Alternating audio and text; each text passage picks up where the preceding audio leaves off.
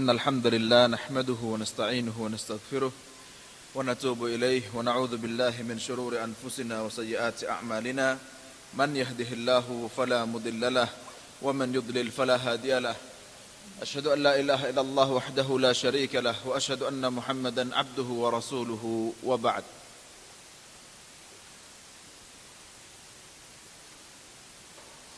Ma'asyiral muslimin wal muslimat, alhamdulillah rabbil alamin. Kita bersyukur kepada Allah Subhanahu wa taala. Alhamdulillah Allah mudahkan urusan-urusan kita untuk talabul ilmi. Allah berikan kepada kita kenikmatan masjid yang luar biasa, Masjid Madinah ini masjid yang nikmat ya.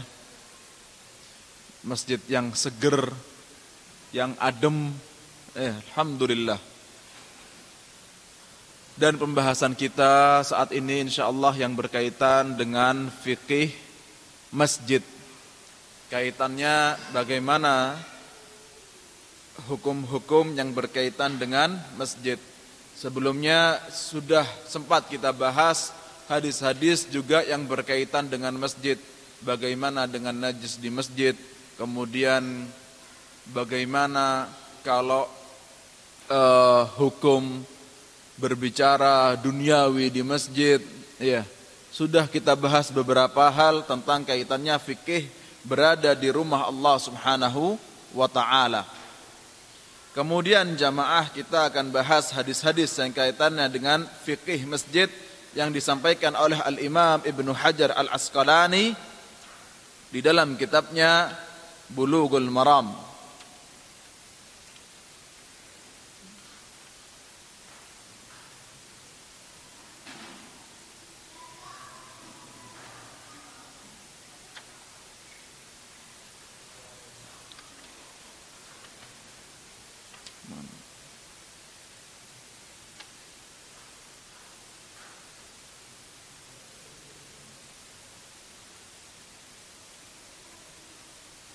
Naam.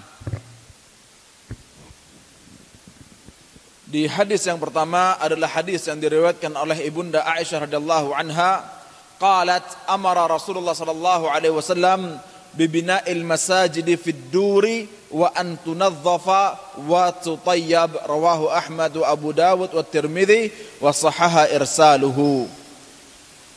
Bahwa Nabi sallallahu alaihi wasallam memerintahkan untuk membangun masjid di rumah dan agar masjid itu dibersihkan dari najis, dibersihkan dari kotoran dan juga diberikan wewangian, dijadikan tempat yang wangi.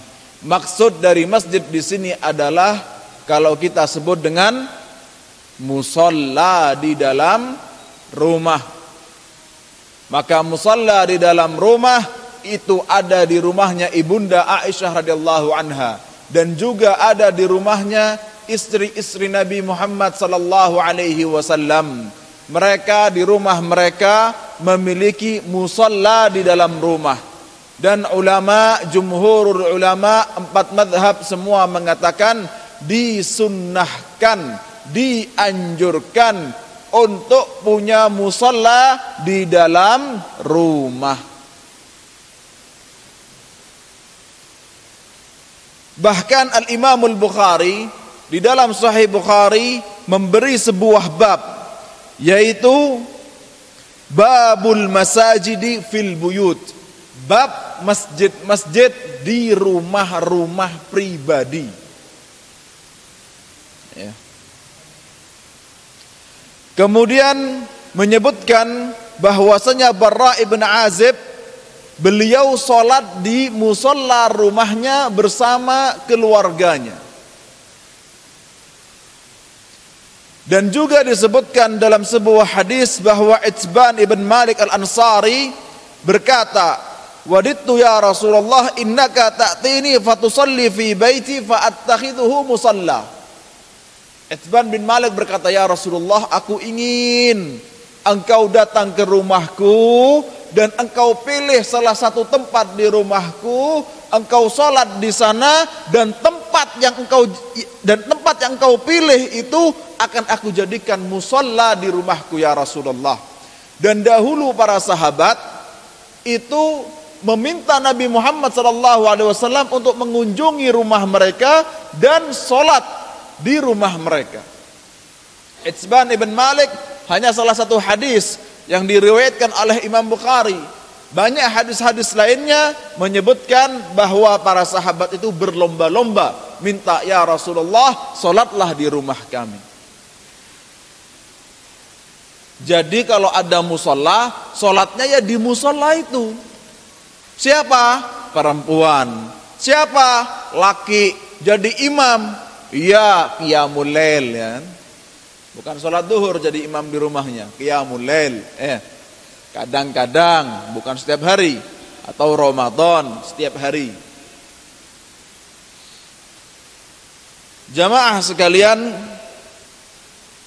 kemudian bahkan Al-Imam Abu Dawud menyebutkan di dalam sunannya sebuah bab at-tasdidu fi jamaah.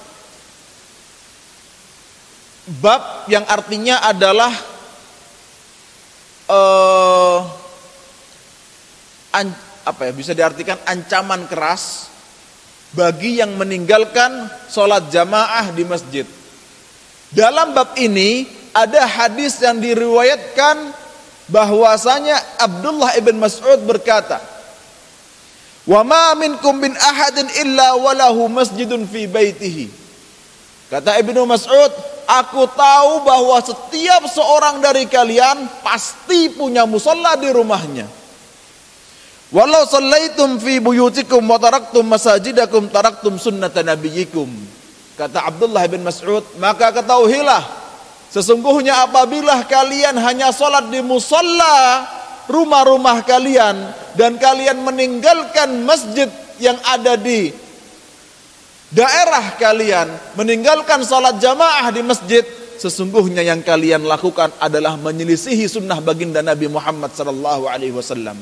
Memang disunnahkan ada musalla di rumah, tapi untuk wanita, tapi untuk laki-laki salat sunnah, bukan untuk lelaki salat wajib.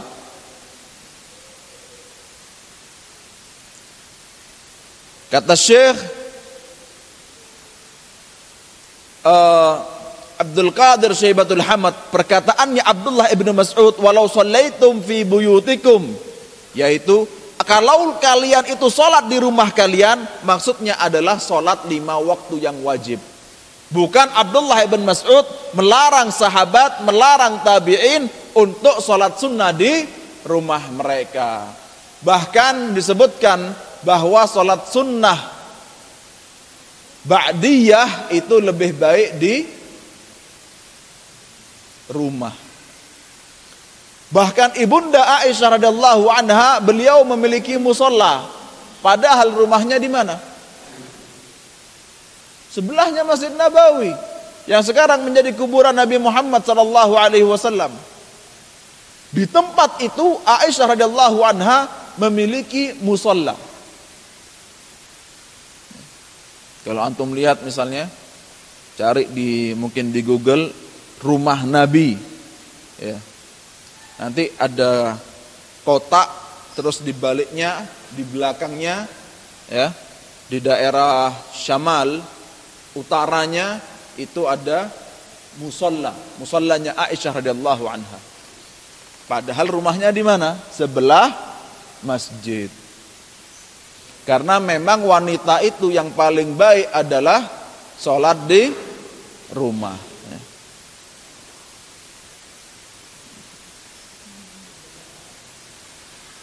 Maka jamaah memiliki musalla di rumah hukumnya adalah sunnah dan ini menurut jumhurul ulama hadisnya juga sahih. Tapi kata Al-Imam At-Tirmidzi hadis yang kita baca ini derajatnya mursal. Mursal itu artinya perkataan Aisyah, bukan perkataan Nabi Muhammad sallallahu alaihi wasallam. Terputus sanatnya. Mursal itu artinya terputus sanatnya dari sahabat kepada Nabi atau dari sahabat kepada sahabat yang lain. Ya. Kalau ada musola di rumah maka sholatnya ya di musola itu. Ketika di rumah, sholat di rumah, sholatnya di mana? Di musola itu. Tapi kalau nggak ada musola, nanti kamar depan, besok kamar belakang, besok lusa kamar barat, besok lusa kamar timur. Ya. Nanti ruang tamu, terus ruang tengah. Ya. Boleh ya, boleh-boleh saja. Tapi lebih afdal memiliki musola di dalam rumah. Ditempatkan satu tempat khusus dikasih bahkan watu tayyab diberikan wewangian beda wanginya musola dibedakan ya.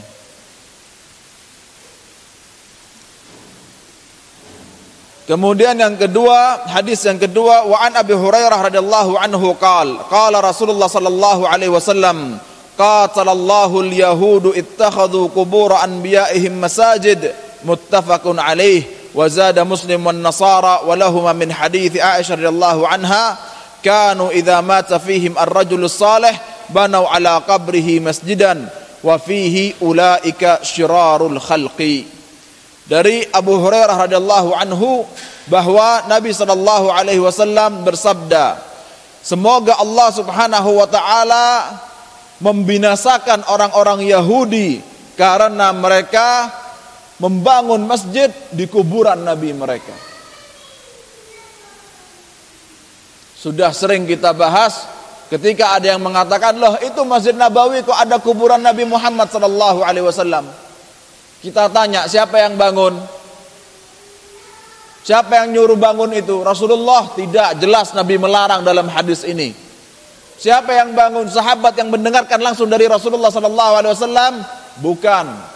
Siapa yang membangun? Dari kalangan tabi'in, pemerintah dari Bani Umayyah. Ya. Bahkan memerintahkan Umar bin Abdul Aziz untuk membangun, tapi Umar bin Abdul Aziz kasih surat pertama, beliau mendatangkan ulama-ulama di Madinah, musyawarah, sepakat tidak boleh. Datang surat kedua, tidak diterima oleh Umar bin Abdul Aziz. Akhirnya datanglah pasukan kerajaan ke Madinah dan merekalah yang membangun sendiri Masjid Nabawi ke arah kuburan Nabi Muhammad sallallahu alaihi wasallam.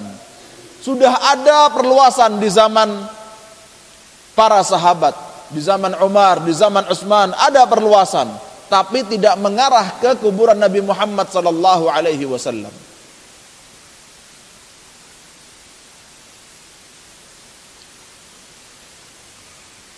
Maka ikut Nabi atau ikut amirnya Bani Umayyah Hah? yang diperintahkan oleh Nabi Muhammad wasallam adalah dilarang untuk membangun masjid di kuburan atau mengabur mengubur mayit di masjid dan di dalam madhab syafi'i disebutkan bahwasanya kalau mau membangun masjid di kuburan maka kuburannya diangkat dan dipindah bangun masjid di situ. Kalau memang harus bangun masjid di situ dalam madhab syafi'i angkat kuburannya pindahkan. Kalau harus mengubur jenazah di tempat yang ada masjidnya maka jangan langsung kubur jenazahnya tapi masjidnya diruntuhkan dulu. Itu madhab mana? Syafi'i.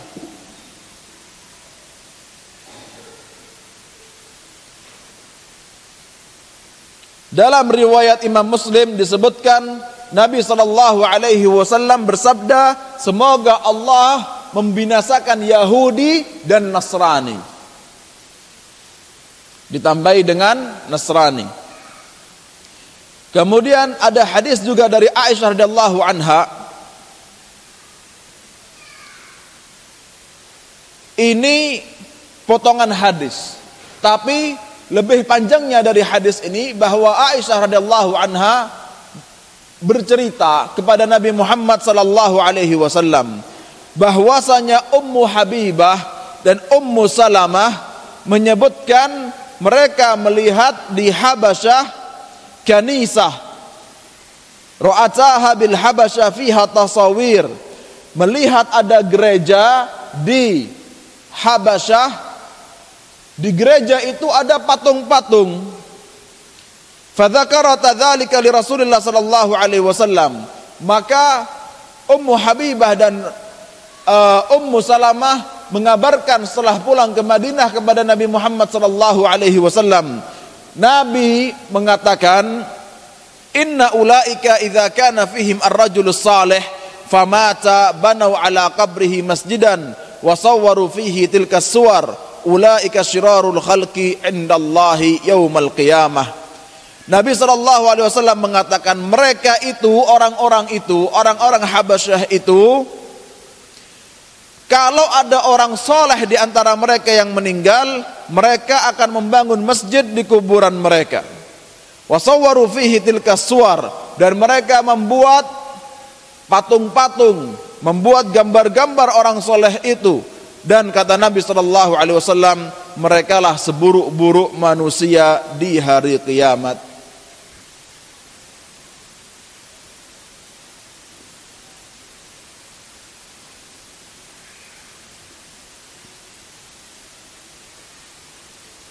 Nah, ini kaitannya dengan membangun masjid di kuburan dan juga membangun atau mengubur jenazah di masjid.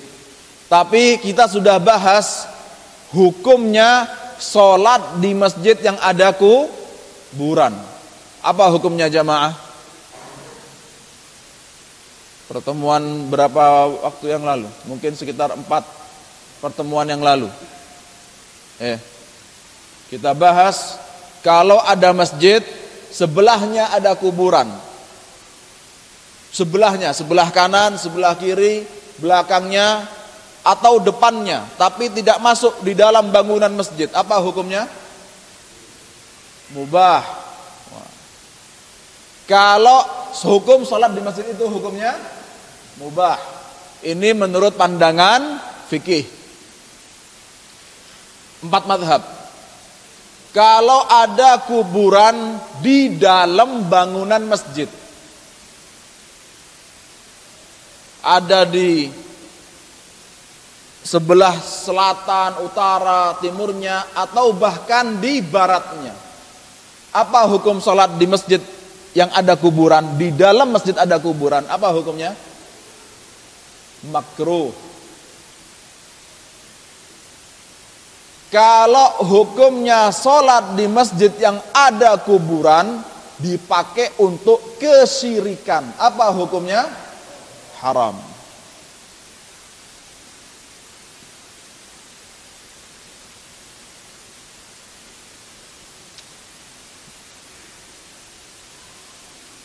Taib.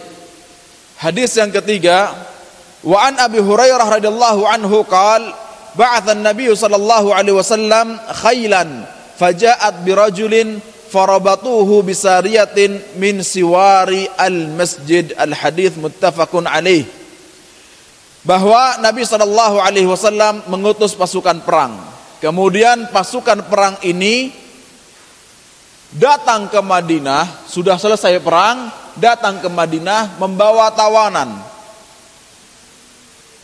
Kemudian tawanan ini diikat di tiang masjid Madinah, Masjid Nabawi, di antara tiang-tiang yang ada di Masjid Nabawi.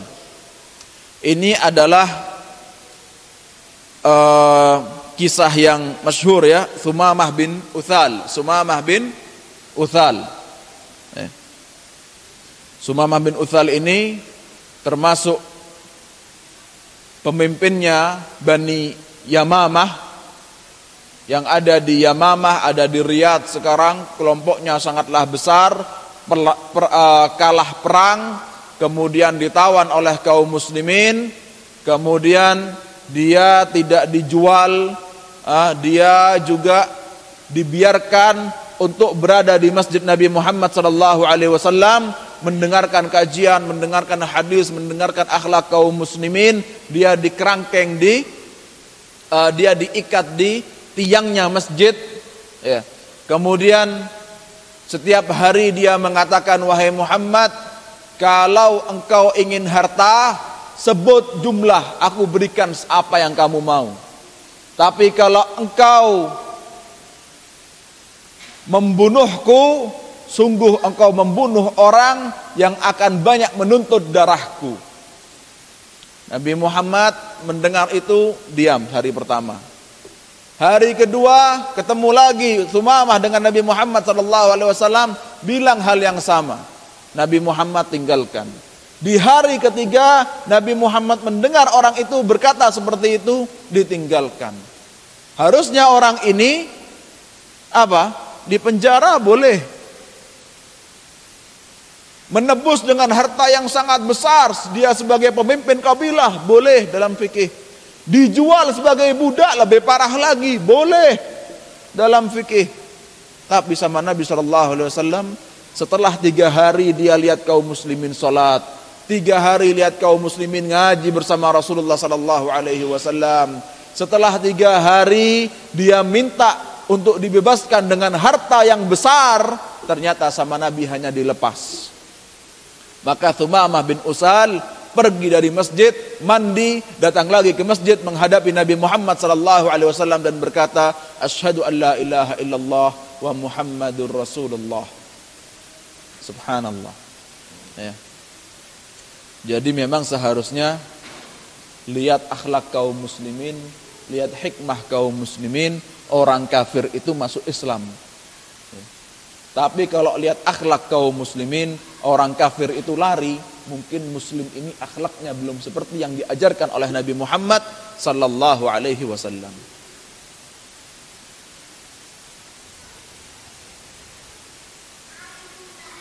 Bahkan disebutkan Umar bin Khattab itu orang yang keras ya. Dan dia punya budak wanita kafir. Tapi budak ini menyanjung akhlaknya Umar bin Khattab kepada budaknya. Budak loh ya, bukan pembantu. Budaknya kafir. Menyanjung akhlaknya Umar bin Khattab kepada pembantunya. Subhanallah. Jadi sekeras-kerasnya orang dalam Islam itu tetap dianjurkan untuk berakhlakul karimah. Subhanallah.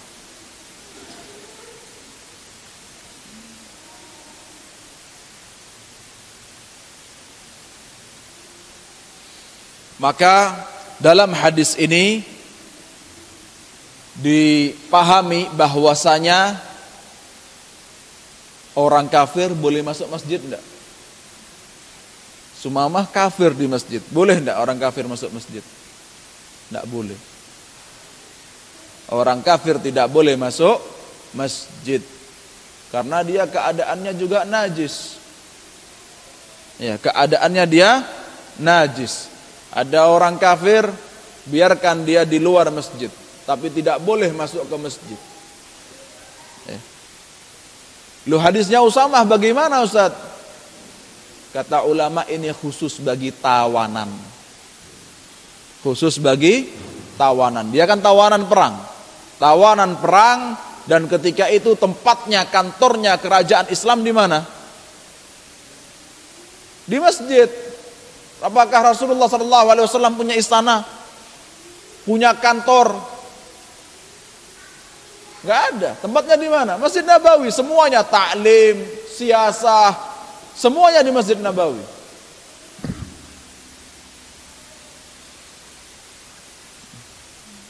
Maka orang kafir tidak boleh masuk masjid, tapi kalau tawanan kafir boleh masuk masjid. Wallahu a'lam bissawab.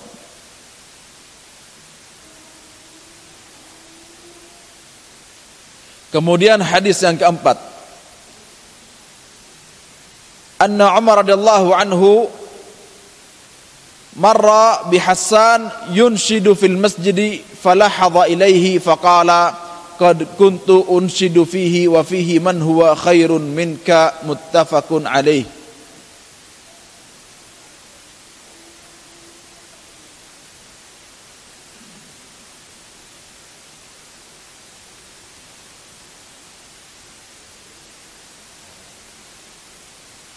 Naam. Hadis keempat ini menunjukkan bahwasanya Umar bin Khattab radhiyallahu anhu melihat Hasan sedang nyanyi di masjid. Sedang apa? Nyanyi di masjid. Nyanyinya pakai apa? Syair. Nyanyi di masjid. Maka Umar bin Khattab marah. Ketika marah Hasan ini juga sahabat. Dibalas sama Hasan, apa? Sungguh aku pernah nyanyi di masjid di hadapan orang yang lebih mulia darimu wahai Umar bin Khattab, di hadapan Rasulullah sallallahu alaihi wasallam. Maka dari hadis ini kata Syekh Abdul Qadir Syaibatul Hamad boleh nyanyi di masjid. Gimana ini jamaah? Hah? Baru apa lama ini?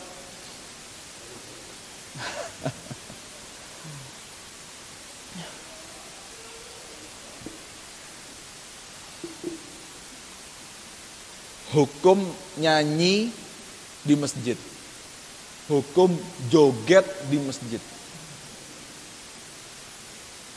Ini kita melihat kepada fikih ya. Melihat kepada fikih dari kitab-kitab fikih. Imam Abu Hanifah, Syafi'i dan Ahmad mengatakan boleh untuk nyanyi dan joget di masjid. Kata Imam Malik makruh bukan haram makruh untuk nyanyi dan joget di masjid. Hadisnya selain hadis ini ada hadis juga di Sahih Muslim. Ketika hari raya anak-anak itu yanzifuna yanzifun yanzifun itu artinya yarkusun kata Ibnu Hajar di Sahih Bukhari juga hadisnya di Sahih Bukhari dalam Fathul Bari kata Ibnu Hajar, yanzifun artinya yarkusun. Yang ngomong bukan saya, Pak ya. Artinya apa? Yarkusun. Nah, Lu Ustadz, ini mohon maaf ya, karena mungkin kalau hal yang baru biar jangan dikira saya menyesatkan atau bagaimana ini. Ya. Karena kan tidak boleh, betul tidak boleh nyanyi, betul tidak boleh joget di masjid. Itu pendapatnya Imam Malik dan itu dikuatkan oleh Al-Imam Syaukani dan juga banyak ulama yang mengikuti fatwanya Imam Malik tidak boleh. Tapi yang mereka mau nyanyi di masjid, mereka yang mau joget di masjid punya imam, punya dalil. Abu Hanifah, Syafi'i, Ahmad. Ya. Tapi disebutkan adalah nyanyian yang bagus yang kaitannya dengan Islam. Kemudian joget yang bagus. Jogetnya orang Arab joget apa? Pakai kaki. Ya. Jangan terus joget perempuan apa? Dengan apa? Joget yang syahwat wal billah di Masjid Haram, ya. Maksudnya adalah joget yang sopan. Joget yang sopan. Dan kata Ibnu Hajar roksun. Setiap kelompok, setiap kaum itu memiliki gaya jogetnya masing-masing. Yang penting jogetnya adalah sopan. Ya. Jadi yang selama ini kita dengar tidak boleh nyanyi, tidak boleh joget itu benar. Pendapatnya siapa? Imam Malik. Dikuatkan oleh siapa? Imam Syaukani. Apa dalilnya? Hadis yang pernah kita pelajari. Ketika ada sahabat dia bersin alhamdulillah dengan suara pelan. Kemudian ada yang menyebut yarhamukallah dengan suara keras. Sahabat-sahabat lainnya seperti memberikan penglihatan kepada dia. Dia nggak paham. Terus dia mengatakan, "Ya ummah, ya umyah, kenapa ente?" Bicara lagi sholat. Sahabat sampai mukul-mukul tangannya, suruh diam. Setelah sholat, kemudian Nabi Shallallahu Alaihi Wasallam datang kepadanya dan mengatakan, Inna hadhihi salah la tasluhu fihi syai' ayu syai'in minal lahwi bahwasanya sholat ini tidak boleh untuk berbuat yang sia-sia dan juga per, perkataan manusia. Sesungguhnya sholat ini untuk zikrullah. Dan juga hadis yang menunjukkan tentang masjid. Hadis yang menunjukkan tentang masjid. Ketika ada sahabat yang uh, ketika ada orang badui kencing di masjid. Kata Nabi sallallahu alaihi wasallam, "Inna hadhihi al-masajid la tasluhu fiha ayyu syai'in min al-abwali wal qadar." Sesungguhnya masjid-masjid ini tidak boleh untuk ada kotoran, tidak boleh untuk ada kencing. Sesungguhnya masjid itu lissalah wa qiraatil Qur'an wa dzikrillah. Masjid itu untuk salat, untuk baca Al-Qur'an, untuk zikrullah. Ini dalil yang dipakai oleh Imam Malik yang diikuti oleh Al-Imam Syaukani. Ya. Kemudian jamaah biar tuntas juga kaitannya biar tidak salah paham. Kemudian jangan antum ke sini bawa alat musik bedakan nyanyian sama alat musik. Ya. Jadi kalau nyanyian itu kata Syekh Saleh Al Fauzan hukumnya menyanyi boleh dengan syair sesuai dengan wazan al-arud wal qafiyah yang ada di ilmu syair.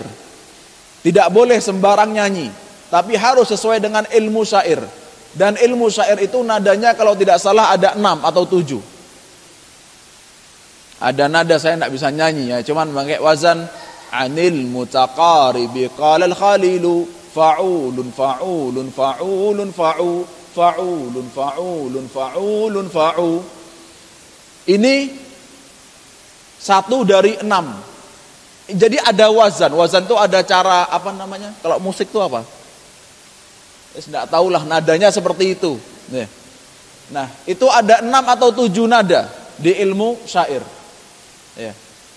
kata Syekh Saleh Fauzan hanya enam dan atau tujuh nada ini yang boleh tapi kata Imam Nawawi, pakai bahasa apa pun boleh. Pakai nada apa pun boleh. Itu nyanyian. Bedakan dengan musik. Kalau musik rebana boleh. Kalau bukan rebana tapi yang ditabuh bagaimana? Ada ulama mengatakan cuma rebana yang boleh, ada yang mengatakan apa pun yang ditabuh boleh. Kemudian bagaimana dengan alat musik yang lainnya? Empat madhab sepakat bahwasanya hukumnya haram. Alat musik yang lain, empat madhab sepakat hukumnya haram. Tapi ada ulama Hanafiyah mengatakan boleh alat musik, ada. Tapi dia keluar dari pendapat kuat dari Abu Hanifah. Ada ulama Malikiyah Ustadz mengatakan boleh alat musik, ada tapi dia keluar dari mu'tamad maliki ada dari syafi'i dari hanbali mengatakan musik boleh ada tapi mereka keluar dari mu'tamad madhab dari pegangan kuat madhab dari pendapat yang kuat dari madhab ya. paham jamaah ya yang kaitannya dengan nyanyian rebana dan juga alat musik yang lainnya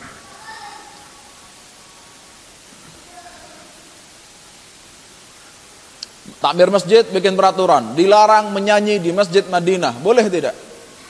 Boleh. Ikut siapa? Imam Syaukani, ikut Imam Malik, boleh. Eh. Ada orang kemudian mau nyanyi-nyanyi di sini. Saya ikut Imam pendapatnya Imam Abu Hanifah, Syafi'i, Ahmad, silahkan cari masjid yang membolehkan. Kan gitu. Ya. Barakallahu fikum. Waktunya salat Isya, kita tutup sementara. Barakallahu fikum.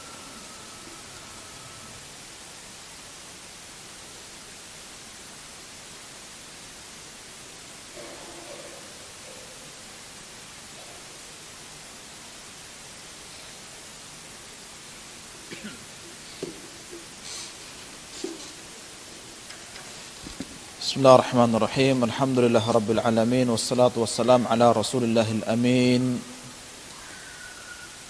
Wa ba'd. Naam jamaah. Uh, yang tadi Ana sampaikan mungkin agak jadi kejutan. Kejutan enggak, Pak? Hah? Iya. Tapi seperti dengan hukum-hukum fikih yang dari dulu Anda sampaikan, ana saya lebih suka menyampaikan fikih itu kalau memang khilaf yang mu'tabar saya sampaikan. Dan saya sampaikan itu langsung ke empunya, langsung ke imam-imam madhabnya. Bukan golongan A, B, C, merah, biru, hijau, bukan. Tapi langsung ke imam-imam madhabnya. Dari situ, maka seorang talibul ilmi di dalam kitab usul fikih di dalam pembahasan tentang kajian, tentang taklid, tentang istihad, apa dikatakan oleh para ulama? Mengikuti orang awam itu mengikuti ustadz yang dipercayai. Kemudian mengambil pendapat dari ustadz yang ia pelajari, darinya ilmu. Nah, tapi dengan adanya khilaf ini, dengan disampaikan khilaf ulama ini, ada hikmah. Apa? tidak saling menyalahkan, tidak benere dewe. Ya. Iya kan? Tidak boleh benere dewe dalam masalah khilaf. Ya, kecuali kalau itu ijma ulama. Ya.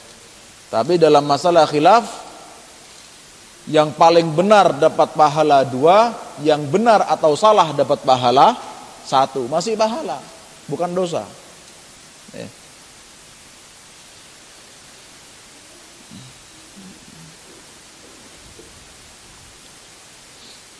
Kalau tidak percaya yang anak sampaikan tadi, ditanyakan ke ustadz, jangan tanya ustadz menurut antum, jangan gitu. Ustadz menurut tempat imam madhab hukumnya apa? Nah, baru. Sama insya Allah jawabannya. Kalau menurut antum, ya tidak tahu kan. Dia ikut pendapat yang mana. Tanya ke ustadz itu ustadz menurut empat madhab gimana? Ya. Kenapa saya sampaikan? Karena ini khilaf mau tabar. Sering tidak antum lihat mungkin di sebuah masjid diingkari. Atau ada orang datang terus kerja capek siang ke masjid, sholat al masya Allah, kemudian tidur tiduran sambil nyanyi, diingkari, tidak boleh nyanyi di masjid, sering tidak? Itu tidak hati antum selama ini seperti itu tidak? Iya kan? Lah, tapi ternyata nyanyi di masjid itu boleh menurut tiga madhab ya Allah. Bukan menurut saya loh ya, tiga madhab loh ya yang boleh kan. Eh.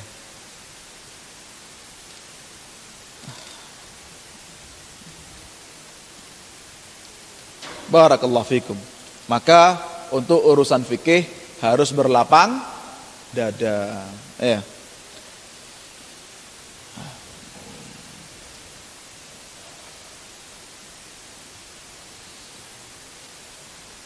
Tapi jamaah sekalian teruslah banyak membaca dan yang mudah dibaca, jangan baca yang susah-susah. Oh, Ustaz Iqbal ngajarkan ada khilaf-khilaf ulama fikih. Saya mau baca kitab fikih khilaf ulama. Jangan, Mbak. Itu belajar itu ada tangganya. Belajar itu apa? Ada tangganya. Jangan langsung naik ke tangga yang atas. Sekarang sebagai jamaah pengajian ikut mau baca buku, mau beli buku. Bagus baca buku. Buku apa? Fatwa-fatwa Syekh bin Bas. Bagus. Mudah dipahami. Fatwa Syekh Albani mudah dipahami. Kitab-kitab yang mudah-mudah untuk dipahami. Tapi kalau bahas fikih, bahas fikih, ya, ada kitab Ar-Risalah diterjemahkan Ar-Risalah diterjemahkan. Saya bingung, kitab Risalah itu bahas tentang usul fikih, karangannya Imam Syafi'i langsung. Diterjemahkan. Ini kitab yang sangat berat. Ya, diterjemahkan. Lah, kalau tidak bisa bahasa Arab ngapain mahamin kitab yang berat? Nanti kalau tidak salah paham, pahamnya salah.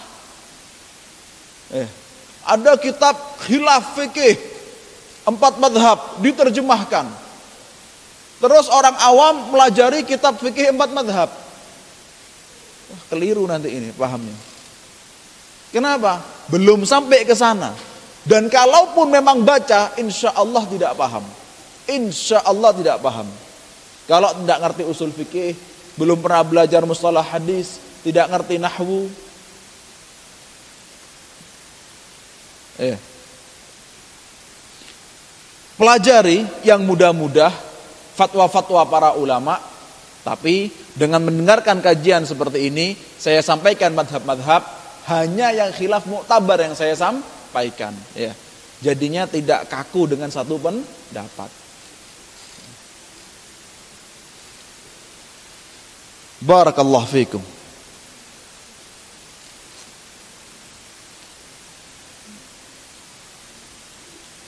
Kemudian di hadis yang kelima juga diriwayatkan oleh Abu Hurairah qala Rasulullah sallallahu alaihi wasallam man sami'a rajulan yunshidu dalatan fil masjid falyakul la raddaha Allahu alaik fa innal masajida lam tubna li hadza rawahu Muslim Kata Nabi sallallahu alaihi wasallam hadisnya sahih diriwayatkan oleh Imam Muslim barang siapa mendengar seseorang di masjid mengatakan Siapa yang nemu barang hilang ini, ada barang kehilangan, sifatnya seperti ini, siapa yang menemukan?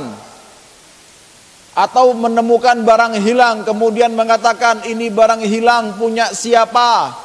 Maka orang yang mendengar disunnahkan oleh Nabi Shallallahu Alaihi Wasallam untuk berdoa. La raddahallahu alaik. Semoga Allah tidak mengembalikan barang itu kepadamu. Fa innal masajid dalam tubna lihada. Sesungguhnya masjid itu tidak dibangun untuk jadi tempat pengumuman barang hilang. Tapi untuk menjadi tempat ibadah, salat. Kalau ada barang hilang mau dicari di mana? Pintu masjid. Dicari di pintu masjid. Masjid pintunya satu, enak. Ini masjid pintunya berapa? Tiga. Eh, pasang teman satu dua tiga. Minta tolong. Ya masjidnya pintunya 35 kayak masjid Nabawi. Gimana? Hah? bingung. Apalagi kayak Masjidil Haram 300 pintu. Sudah tawakal ya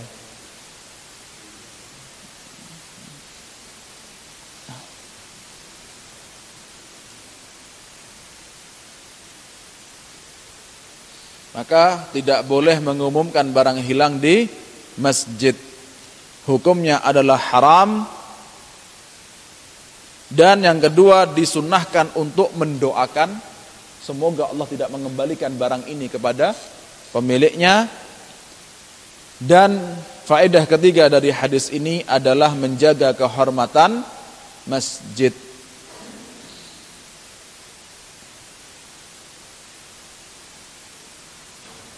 Kemudian hadis yang keenam juga diriwayatkan oleh Abu Hurairah radhiyallahu anhu anna Rasulullah sallallahu alaihi wasallam qaal idza ra'aitum man yabi'u aw yabta'u fil masjid faqulu la arbahallahu tijaratak rawahu an-Nasa'i wa Tirmidzi wa hasanah Hadis yang diriwayatkan oleh Al-Imam An-Nasa'i dan Imam Tirmidzi derajatnya hasan bahwa Nabi sallallahu alaihi wasallam bersabda barang siapa mendengar orang menjual atau membeli sesuatu di masjid, maka berdoalah semoga Allah tidak semoga Allah tidak memberikan keuntungan dari jual beli ini. Jual beli di masjid, eh barangnya hilang. Eh uangnya hilang. Eh uangnya tidak kerasa. Eh uangnya jadi penyakit billah. Maka tidak boleh untuk jual beli di masjid.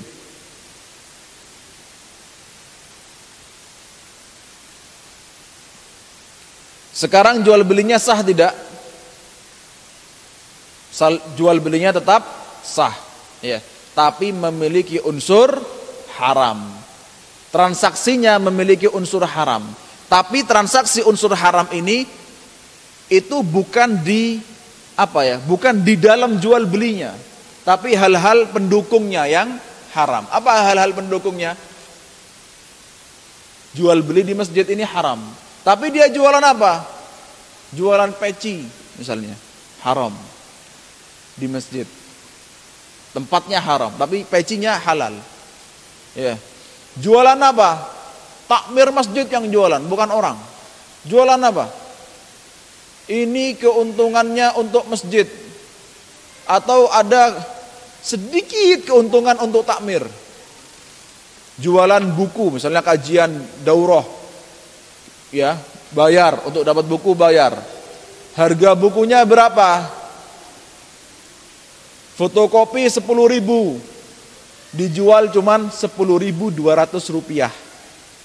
Buat beli es teh. Ada 200 rupiah Keuntungan buat panitia, buat takmir. Haram untuk dijual di masjid. Tapi kalau tidak ada keuntungan sama sekali Itu berarti memang asli 100% Bantu khidmah sosial Dakwah 100% Tapi kalau ada keuntungan meskipun sedikit haram untuk jual beli di masjid.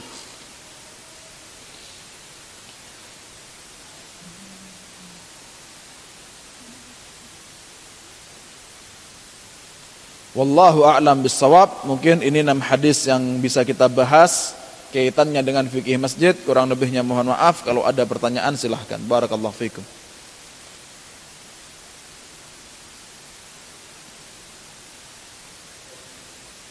Iya Pak. Waalaikumsalam warahmatullahi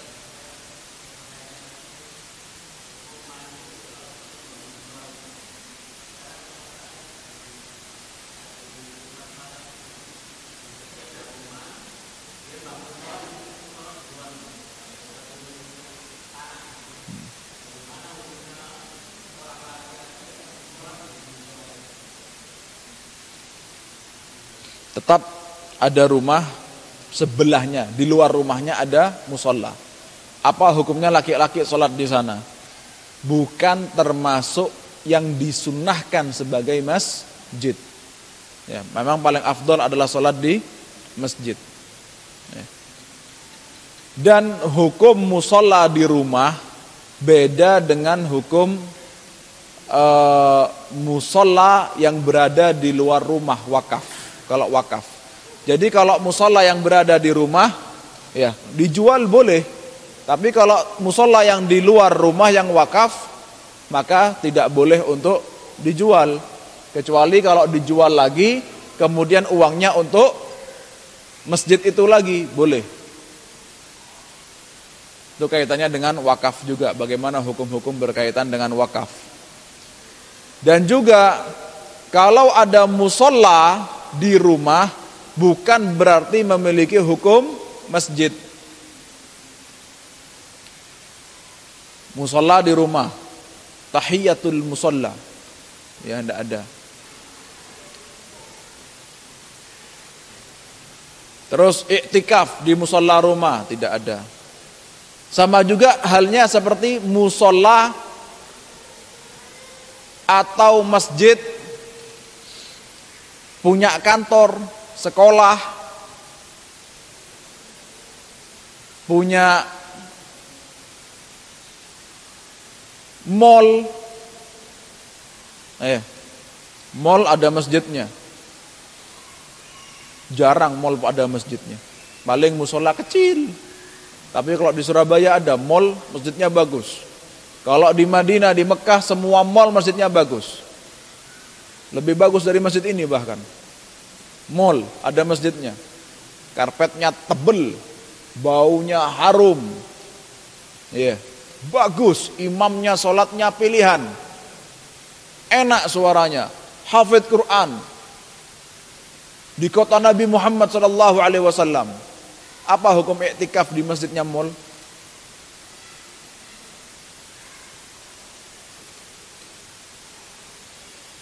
Di masjidnya sekolah, yang itu bukan wakaf.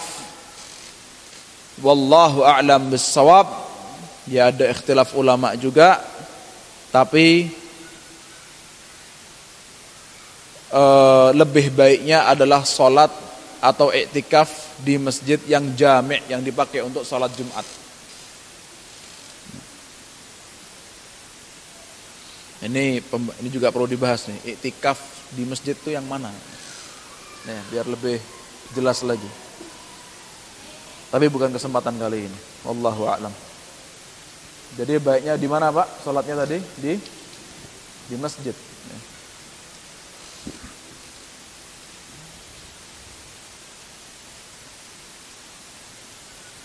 Tapi kecuali Pak, kecuali kalau misalnya ada musola di luar rumah, kemudian itu musola kecil, tapi dia wakaf, bukan milik pribadi, wakaf. Ya. Boleh orang bikin musola, tapi bukan wakaf, boleh. Boleh orang mus, apa juga boleh kalau bikin musola itu wakaf. Ya, lebih afdol lagi kalau itu musola wakaf. Ada musola wakaf kecil, ya, yang sholat cuma lima orang, sepuluh orang tapi kalau sholat di sana ada faedah. Di antaranya apa? Dakwah kepada orang-orang sebelah untuk sholat di sana dan agar syiar di musola itu tetap ada warga di sana terpanggil untuk sholat maka itu baik ya. itu kalau musolanya wakaf tapi kalau musolanya bukan wakaf maka lebih baik ke masjid yang wakaf wallahu a'lam bishawab Pertanyaan lain?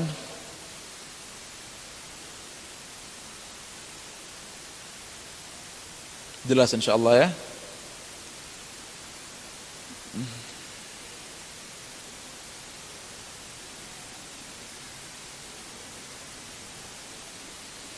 Nah, kita tutup dengan doa kafaratul majlis, kurang lebihnya mohon maaf. Barakallahu fikum. Subhanakallahumma bihamdik asyhadu an la ilaha illa anta astaghfiruka wa atubu ilaik. Assalamualaikum warahmatullahi wabarakatuh.